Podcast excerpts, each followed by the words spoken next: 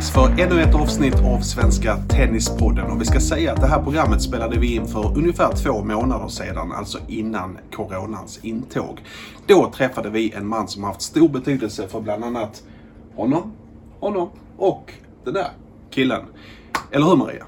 Ja, idag ska vi träffa Percy Rosberg, en av Sveriges eh, mest rutinerade och meriterade tränare. Och det ser jag verkligen fram emot.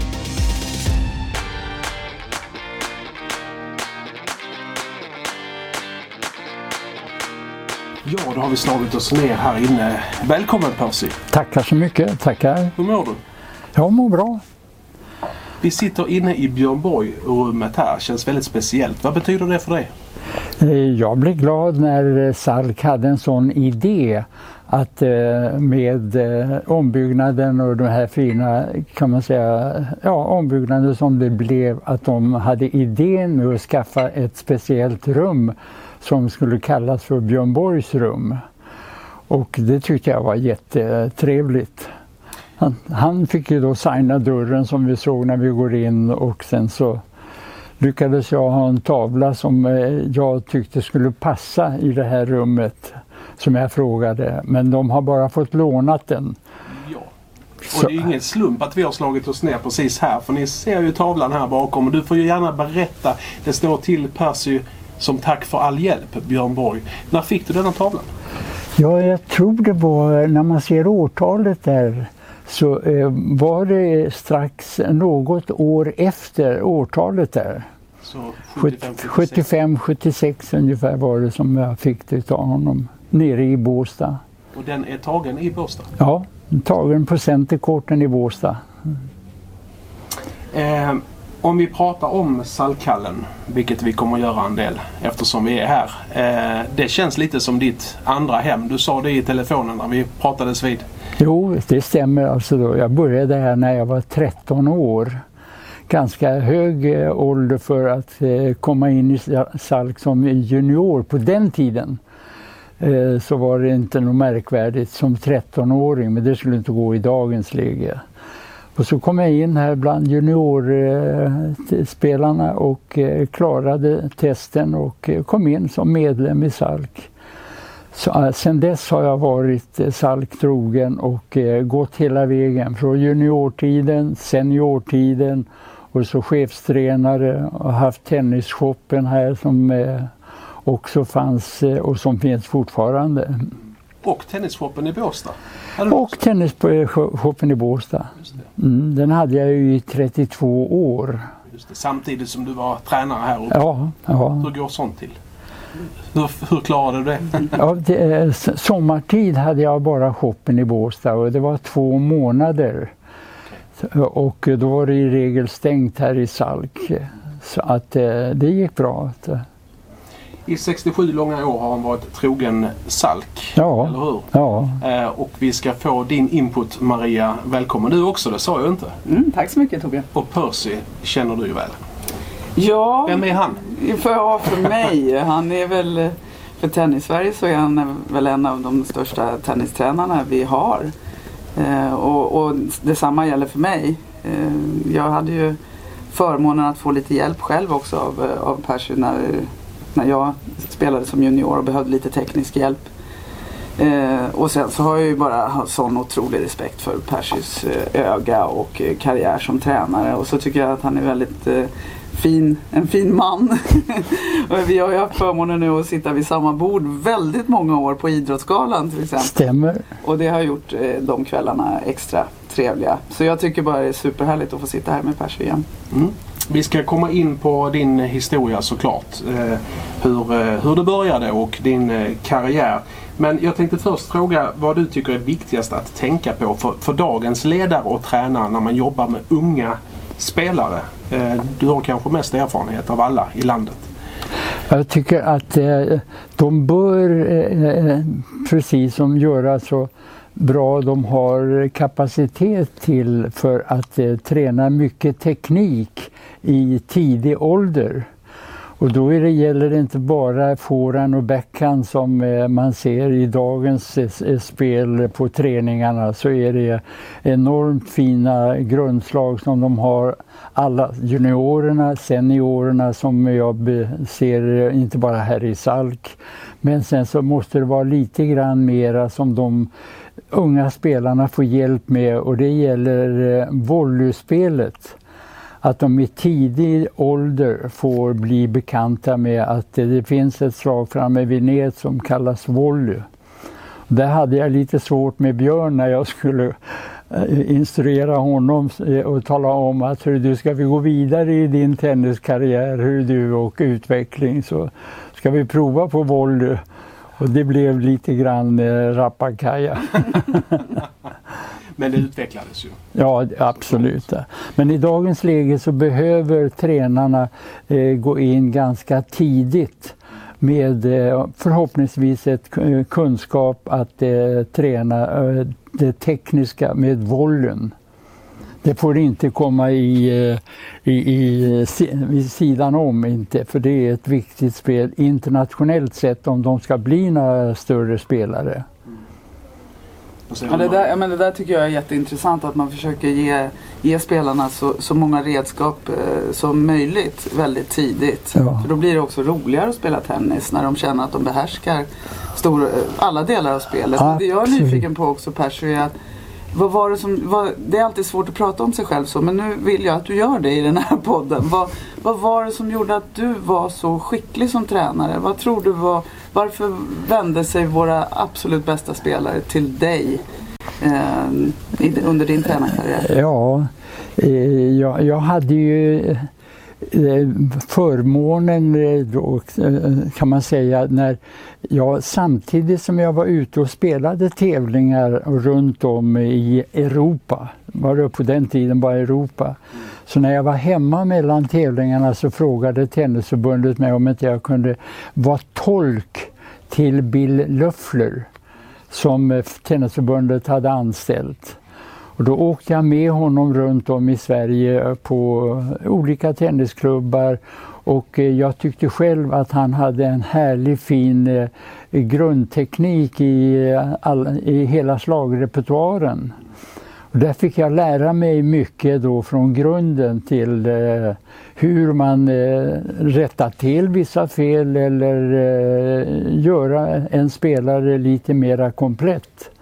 Så att där fick jag mycket gratis att eh, lära mig att se på de och de detaljerna som jag blev eh, tipsad om. Mm. Och sen så då så, i och med att man har spelat mycket själv och eh, haft eh, de och de bristerna eller de och de fördelarna i vissa slag så har man lärt känna att även mina elever så kan jag precis som se lite grann mig själv i dem.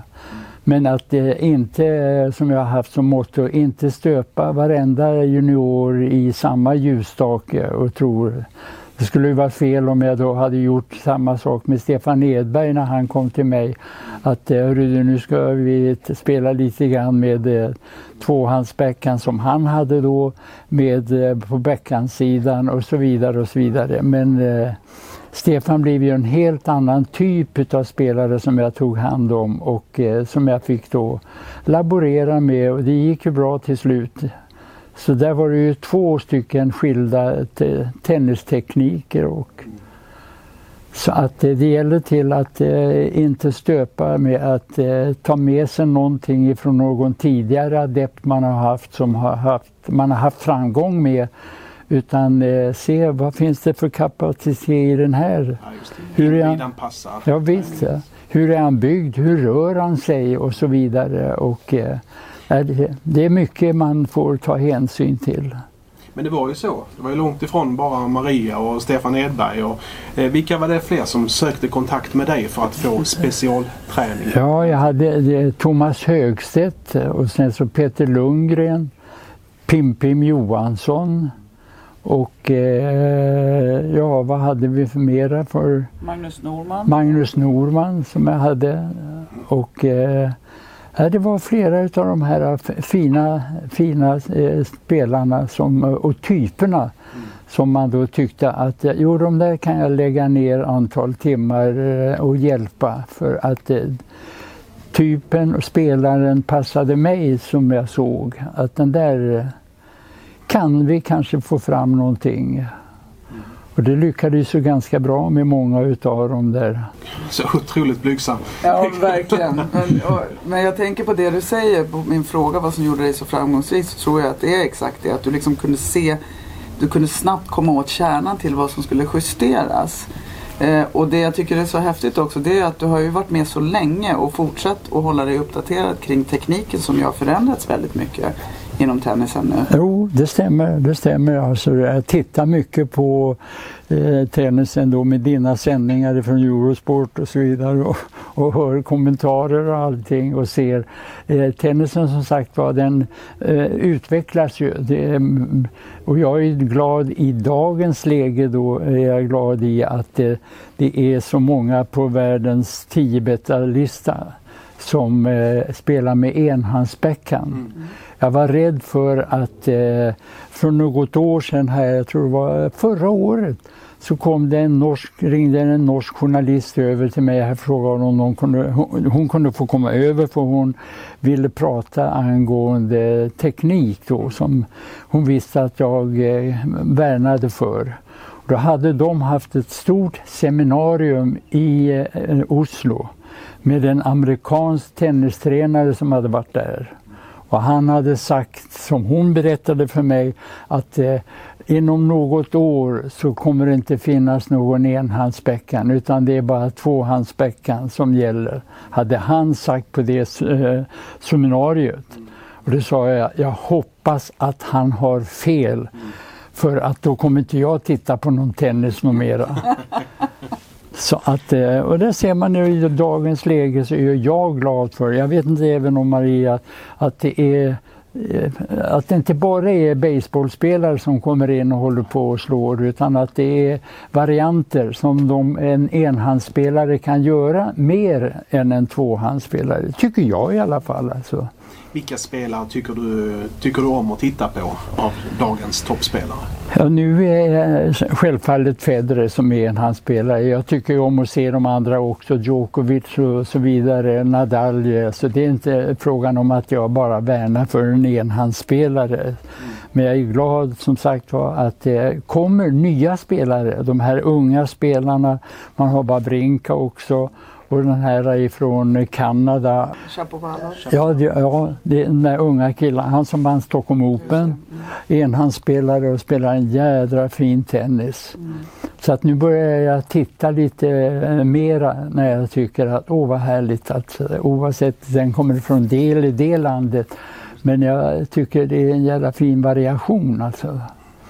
Och nu börjar vi få konkurrens i Sverige. Det går ja. ju lite sådär men just nu har vi ju det. Eh, får man väl säga. Eller hur ser du på, på topptennisen? Ja, ja men det är absolut. Alltså, nu har vi ju Rebecka som är en absolut världsspelare. Och, mm. eh, även Mikael är nu topp 100. Elias knackar på fortfarande. Miriam kommer bakom. Tränar ju mycket här och Jonas Björkman hjälper ju henne nu. De jobbar mycket på volleyn vet jag. Ja. Där får jag ta del av filmer och grejer. Ja, och när jag hörde då att eh, hon skulle börja på med B Björkman. Ja, just det. ja, tänkte jag var bra. För att hon behöver få mer och mer riktig volleyträning. Ja. Och då så sa jag till henne, eftersom jag känner mamman som jag spelade med, mm och eh, sa att det var jättebra, mycket bra för att han kan ju spela volley den där. Och nu när vi har fått in en sån här som Simon Aspelin i klubben som också då är dubbelspelare och kan spela volley och förmodligen kan undervisa. Så att det är ju fint framsteg. Det kan ju prägla kanske? Absolut, absolut. Att man får in en dubbelspecialist i korridoren? Ja, absolut, absolut. Ja, jag pratade också med Simon nu precis, som ju precis har börjat här i Salk. Ja. Hur han ska verkligen blanda sitt jobb med att också spendera tid på banan. Han kommer det, göra det? Ja, det tror jag är en jätteviktig Mycket fint. Del av, det är bara att gratulera Salk alltså, att ja. de har fått en sån tränare mm kapacitet, var nu inte bara tränare på banan men en sån sport chef eller sport. Vad, vad han nu ska syssla med men eh, det är mycket fint. Bra där. Simon Aspelin alltså. Eh, som ju var på Stockholm Open som turneringschef mm. under de senaste åren. Jag, jag tänkte att apropå konkurrens, vi ska tillbaka 50 år, 60 år i tiden. Och när du spelade, du var ju med i det svenska Davis Cup-laget ja. under glansdagarna. Ja. Det var Sven Davidsson, det var Janne Lundqvist och det var Uffe Schmidt. Och sen, och sen lyckades jag slå mig in som fjärde man där. Ja, det var så. Men du ja. fick inte spela mycket i Nej, nej det, och det där var ju då, ja, det var ju Torsten Johansson och Staffan Stockenberg som var, också ville slå, slåss om den där fjärde platsen. Men jag lyckades eh, få ganska ofta eh, komma med. Men att eh, komma som fjärde man med de där tre musketörerna, det var ju dömt att misslyckas. Då fick man vara en eh, bo bollmotare till dem. Och de, Direktörsservare? Ja.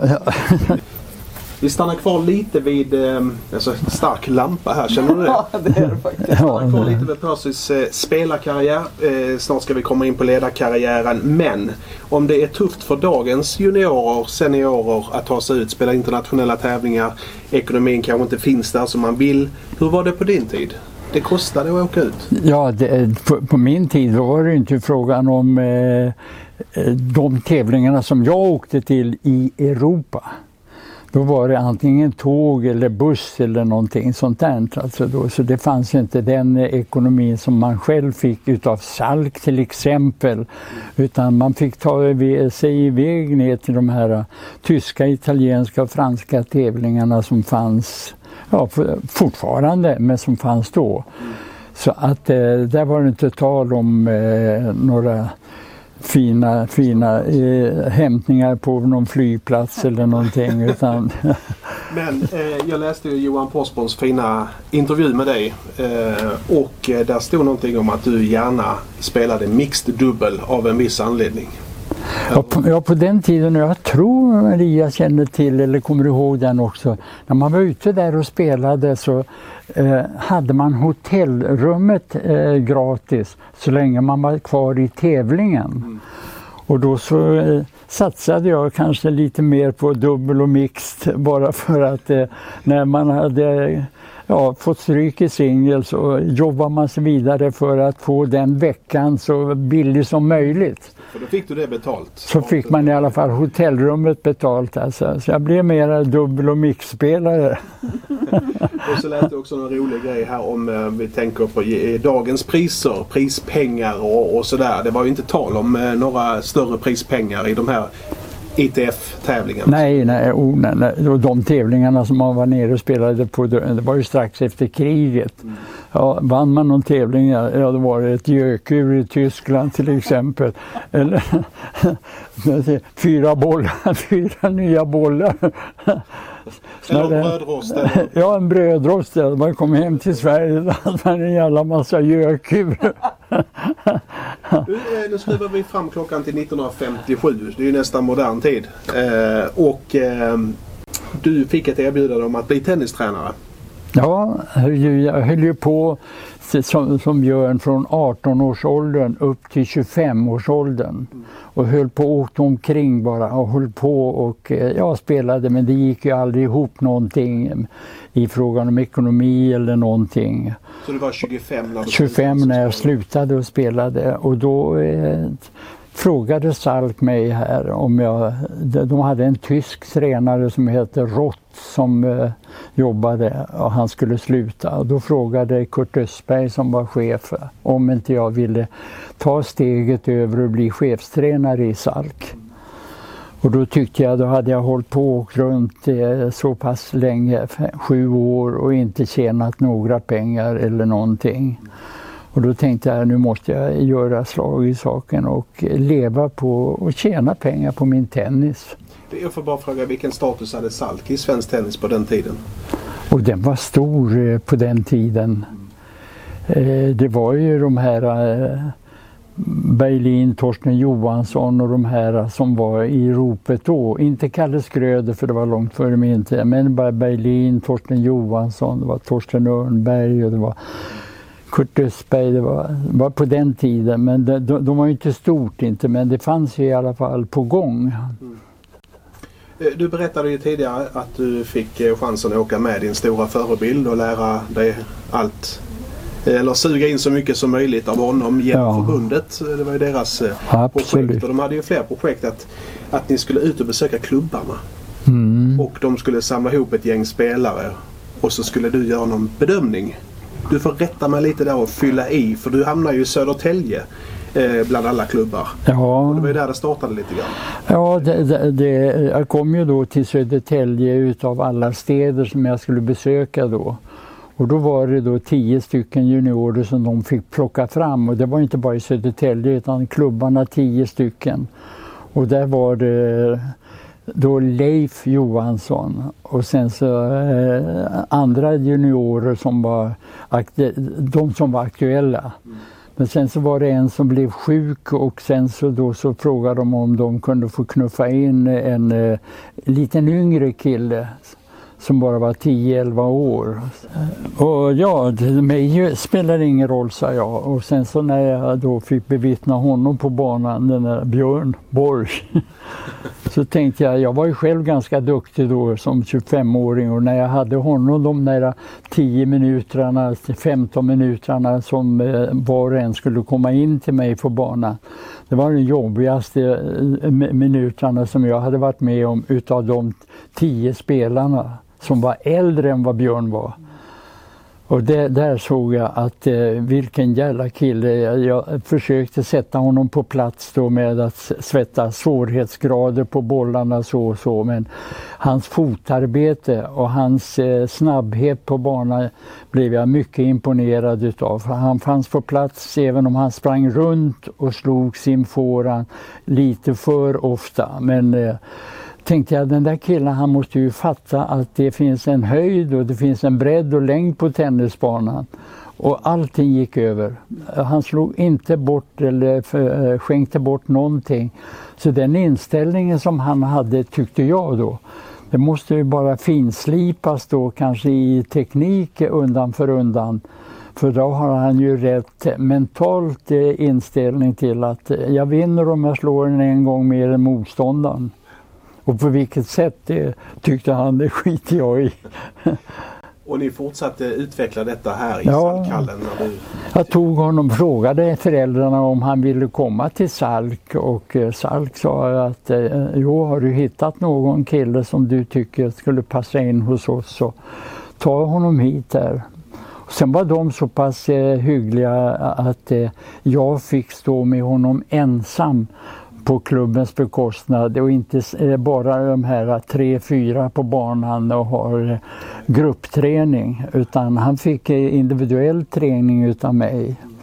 Och det var inte mycket som man eh, behövde rätta till där men det var små detaljer i form utav på backhandsidan som gjorde att han fick inte lov att börja hålla på och springa runt hela tiden för du möter du är bara 17-18 år eller 16-15.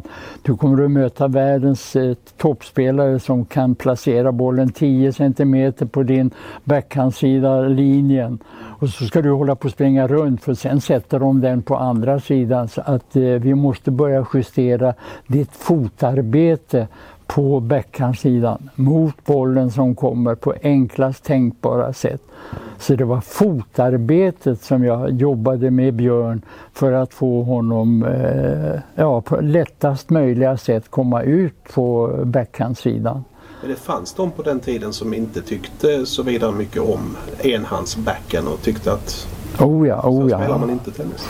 Nej, och det var bland annat i Båstad när alla de här journalisterna som jag kände, R1 Eklöf och alla de här sport, eh, Skåne och journalisterna som var där nere, så de kom och sa till mig, Percy, den där jävla tennisen han spelar, förlåt.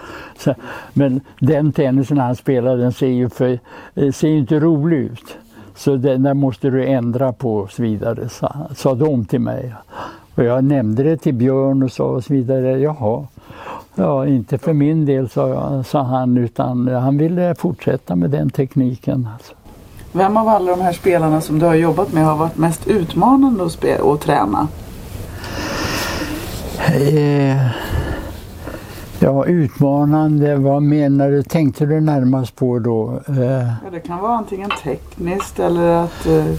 Ja, nej faktiskt. Eh, jag har eh, haft en fin eh, kommunikation med alla de här spelarna och så vidare. När man har förklarat för dem att de och de eh, grejerna bör du eh, kanske ändra på lite grann eller eh, göra någonting så har jag haft eh, fin förståelse för att de har uppskattat på tipsen som de har fått och så vidare.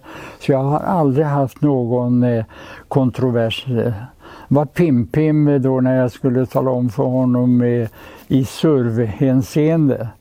Det är den enda som det, det, det, mötte motstånd och mig gjorde det ingenting för han ville, han ville stå nämligen med den kapaciteten jag visste att han hade i teknik och tillslag och allting så ville han stå med fötterna kanske en decimeter ifrån varandra. Och då gick jag fram till honom och så knuffade jag på honom och så vidare. Ja, vad fan? Ja, du ser vilken dålig balans du har alltså då, så att du måste ju sära på fötterna så att du står stadigare ifall du får ett litet fel uppkast. Så ska du kunna rätta till det med att du står stadigt med kroppen och inte stå som en jävla fjällbjörk när du kastar upp. Det gillar han inte? Nej, han gillade inte riktigt det. Nej, jag, jag känner för det här att stå på det viset. Ja, okej, okay, det är du som får känna, känna för det. Men sen så bara ett halvår senare när han stod och spelade här i Salk mot Neminen, finska killen. Ja, då tittade jag ner på banan och tänkte jag, nej men herrejösses, han står ju med nästan en meters avstånd mellan fötterna. Mm. Då tycks han ha fattat att eh, är, men just under den tonårstiden, jag tror han var 14, 15, 16 år, så var han i trotsåldern. Och det förstod jag, så det är lite bra att lugna ner sig. Låta honom få göra det tills han märker det själv. Men nu var även du lämnade Saltkallen ibland och åkte på internationella tävlingar, framförallt med Björn. Och åkte bara med Björn till Paris första året när han vann Paris. Då fick Stockholm Open eh, en gav eh, Björn en present att när han fyllde 18 år så skulle de ge honom en present där jag åkte med honom. Och det visste han inte om utan vi möttes på Arlanda och sen sa adjö, adjö och jag gick in bakvägen på flyget och kom in och sen satte mig bredvid honom. Nej, men du, du får inte vara, du, de ska ju starta snart. Ja, det blev... var det där att resa med Björn till Paris? Det var hur enkelt som helst. Men däremot så tyckte jag att eh, det var lite vågat utav honom för jag tränade ju med honom i Stockholm här och sen skulle han ner till Paris och vi låg och tränade utanför Stockholm här på eh, barn. Dagen före så sa han, du ska du inte åka ner till Paris? Nej, jag kan lika gärna ligga och träna med dig här. Alltså. Så då skulle han åka dagen efter på morgonen och han skulle spela i Paris på eftermiddagen klockan tre kommer jag ihåg. Och vi skulle flyga vid nio tiden. Så jag sa till Björn, är inte det lite sent? Nej, det spelar ingen roll. Jag spelar med dig och sen så, då så är det grus som grus där nere. Och komma in på centerkorten när jag satte mig där så var det en fransman han mötte. En, eh, en kvalspelare tror jag det var, men en mycket bra fransman som han mötte på centerkorten. Och han var illa ute mycket illa ute. Så jag tänkte, jaha, det är lika bra för mig att gå till Transportation och beställa flygbiljett hem igen. För det var, det var så eh, bortslaget utav den fransmannen som hade Björn, greppet på Björn. Och den viktiga poängen som jag kommer ihåg, Björn var nere i hörnet, utgången på centerkorten och eh, fransmannen framme vid nätet och bara skulle sätta in den till nästan, nästan matchboll. Det kanske var två bollar ifrån men han hade greppet. Och sen så missade han den. Han skulle vilja göra någon liten flott eh, visning då med. Och så missade han den och så vände hela matchen. Så att eh, sen blev det ju både nästa och nästa och nästa omgång. Så att, sen åkte jag därifrån när det var kvartsfinal. För då skulle jag ner till Båstad och börja min jour där nere och då kom Lennart Berlin ner och tog hand om Björn. Så att jag åkte bara med Björn eh, en vända där och det var Paris det. Hur mycket kontakt har du med honom och, och med din andra gamla adept? Var, eh, eh, varje, nej, inte varje dag med Björn. Så sent nu när du nämner det. Han ringde mig igår, förrgår. Mm. Ringde han. Då hade han varit i Puerto Rico. Jag hade sökt honom då och började vilja höra vad, hur Leo hade det med sin tumme som han hade opererat. Ja, så ringde han då i förrgår då och sa nu är det tid för lunch igen. Han är mycket, mycket eh, Eh, precis som tacksam i frågan om, eh, som han kanske förstår vad jag la ner mycket tid och eh, ville hjälpa honom. Och då när vi kommer till det där med, som var ganska roligt, ja, Björn, vi, vi, idag ska vi tänka att vi skulle spela volley, ska vi träna volley? och, och jag det var ju tur att det var eh, barracudatält här utanför den här hallen. Ja, så jag tänkte att då går vi in där och ställer oss och spelar volley. Ja, och när man då ställde honom framme vid nät och talade om att nu måste du ha racketen i position för bollen kommer att komma högre än nätets höjd. du får inte stå nere vid vänstra höften med din spade som du står och väntar i ett grundslag. Ja, så fram med den framför mellan axlarna. ja, det blev ungefär en 5-10 skott på honom. Alltså. Och jag fick varje gång innan jag sköt iväg bollen säga till, till slut sa jag ingenting. Jag stod och väntade bara och så tänkte jag han skulle förstå vad jag menade med varför jag inte slog iväg. Ja, till slut så satte han upp den i position och så vidare. Ja, och sen så när han inte gjorde det, då drog jag iväg en boll riktigt hårt. Jag träffade honom i bröstkorgen. Då frågade han, ja, han så svor han. Håller du på med, sa han. Det hade ja. inte gått idag. Testa inte det hemma. nej, nej. nej, så han sa, Percy, vi skiter i det här, vi går in och badar bastu. Och det gjorde ni? Och det gjorde vi. Så det var, det var lektioner med Björn i volley. Mm. Han, han ville inte. Han tyckte att det, det räcker med att jag dödar min motståndare från baslinjen. Det finns andra sätt att Ja, och att han fick vara med och spela dubbel i Davis Cup och sånt där, det var ju för att han var ju sån stadig servare och returnerare. Mm.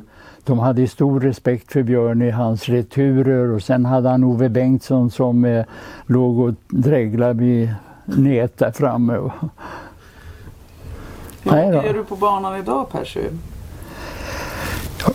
Om jag står på banan? Mm. Nej, jag eh, tittar mestadels och går ner på eh, banorna mm. här när tränarna, eh, jag ser att den och den och det behöver jag inte mm, gå ner för de vill, de har sagt till, kom ner när du vill när vi ser att du är och hänger på räcket där uppe så du är välkommen ner och kom med några kommentarer. Och likaså Stockholms tennisförbund som har övre våningen här med Henriksson och de andra. Det är samma sak där. Mm. Percy, när du är nere i hallen, kom upp och gå omkring och så vidare. Det är samma sak där. Så att jag är med och tittar och eh, pratar med tränarna då. De ställer frågor och jag ställer frågor till dem vad de eh, eh, ja, kanske vissa tipsgrejer som eh, de eh, har sagt till att de vill gärna få när de ändå står och håller på med sina elever och så vidare. Ja, bra. Klokt. Klokt att de tar din hjälp. Låter helt fantastiskt. Mm. Att den gamla skolan och då menar jag positiv bemärkelse? Ja, ja. Att den funkar fortfarande? Ja, Eller? men det är inte så att jag vill att det ska vara en istenfattning. Det ska vara handskaksfattning i fåran. Så att jag menar, om de håller en västernfattning eller de vill härma Nadal eller någonting, det spelar mig ingen roll. Så, att, så pedant är jag inte, att, för jag ser att tennisens teknik och allting, det går ju framåt. Mm. Så att det, det är bara till att inse att vad tror du om chanserna? Eh, frågan får Maria jätteofta och andra som jobbar med svensk tennis. När får vi en världsstjärna i tennis? En svensk igen? Vad svarar du de som frågar dig? Ja, om jag, det, det, det, är svårt, det är svårt att säga. Jag tror ju inte, jag tror inte det blir någon eh, typ Björn eller Stefan i spelhänseende. Två olika typer som har då slagit igenom och blivit världsettor. Mm. Det tror jag inte att vi kommer att få. Det är ungefär som att önska Stenmark någon slalomåkare. Mm. Det, det, är skallen som det betyder mycket på. Så även om de får hjälp med det, teknik och hela allt det där så är det brister som det inte går att eh, kunna reparera. En del rör sig för dåligt på banan och en del eh, får man väl kanske skicka skallen, skruva loss den till Ryssland. Men det är många parametrar som ska eh, till för Ja visst, ska bli visst absolut, absolut. Så stadig som Björn var i skallen. Och, så, så det, nej, det finns inte. Och det får jag hoppas att de generna har gått över till Leo. Får jag hoppas alltså då, för en sån fin teknik killen har och sånt stort spel han har i sin kropp killen så gäller det bara att eh, bygga upp sin eh, låga nivå så, så, bra som möjligt. Så att eh, den högre nivån behöver han inte ha så mycket bekymmer för. Men eh, sin låga eh, nivå måste han förbättra så att inte han gör en sån här eh, Eh, punktinsats i någon tävling eller så och tycker oj oj oj tycker folk och sen så nästa match så mot en mycket sämre rankad, sämre spelare och så går han på nit mot den på grund utav vissa omständigheter. Men han måste bli stadigare, tre, fyra matcher i rad. Då kan man börja på att se att där finns det någonting som är starkt i skallen på killen. Mm. Och inte bara eh, vinna en match utan eh... och det där tipset får väl många fler än bara Leo ta till sig. För det är, det är väl ja, ett generellt tips. Där har vi även Ymerkillarna också. Ymerkillarna som som har stort spel i sig, i alla fall i baslinjespelet, servar bra och så vidare. Och även när jag har sagt till dem på banan där, alltså då försök även prova någon gång att från lägre status toucha med handleden med att slå en stopp eller en, behöver inte vara en stoppboll, men en kort boll för att motståndaren som du möter är en boll säkrare än dig på baslinjen. Försök att få fram den spelaren till nät. För den kanske hatar att spela boll du. Du får klämma in en... Du har ju suttit... Jag har aldrig hört dig så tyst. Eh, Nej men Persson har så mycket att berätta och så, ja, men så mycket kring så många spelare och mm. så mycket tänk. Mm. Och, och, om jag bara ska liksom snabbt sammanfatta något i mitt huvud av det du säger så är det ju liksom ge dem en större repertoar tidigt. Mm. Och det håller jag med om. Nej, större som eh, Maria också sitter och ser så mycket tennis, vilka världsstjärnor som kommer fram och som det måste vara roligt att se. Nya, nya unga spelare som har ett sånt fint repertoar. Det måste vara trevligt att kommentera. Det måste vara ett fantastiskt jobb. ja, jag trivs jättebra med det. Och har, har man lyssnat riktigt noga på Percy här så är ju också ett tips till alla er att titta på så mycket tennis ni kan. Titta på, lyssna på Maria och det finns andra kanaler som sänder också än Eurosport såklart. Men eh, titta, konsumera mycket tennis. Man lär sig ja, mycket på det. Ja, absolut. Ska det bli eh, budskapet här? Ja, det blir bra. Och tack så hemskt mycket ja, för att du delade med dig av ta, din tack, oh, tack ska du ha. Tack ska, oh, tack ska du själv ha. Trevligt att sitta tillsammans med dig hemma. tack så mycket för att ni tittade och lyssnade. Ni som lyssnar på podden. Vi är strax tillbaka igen med nya spännande gäster. 走。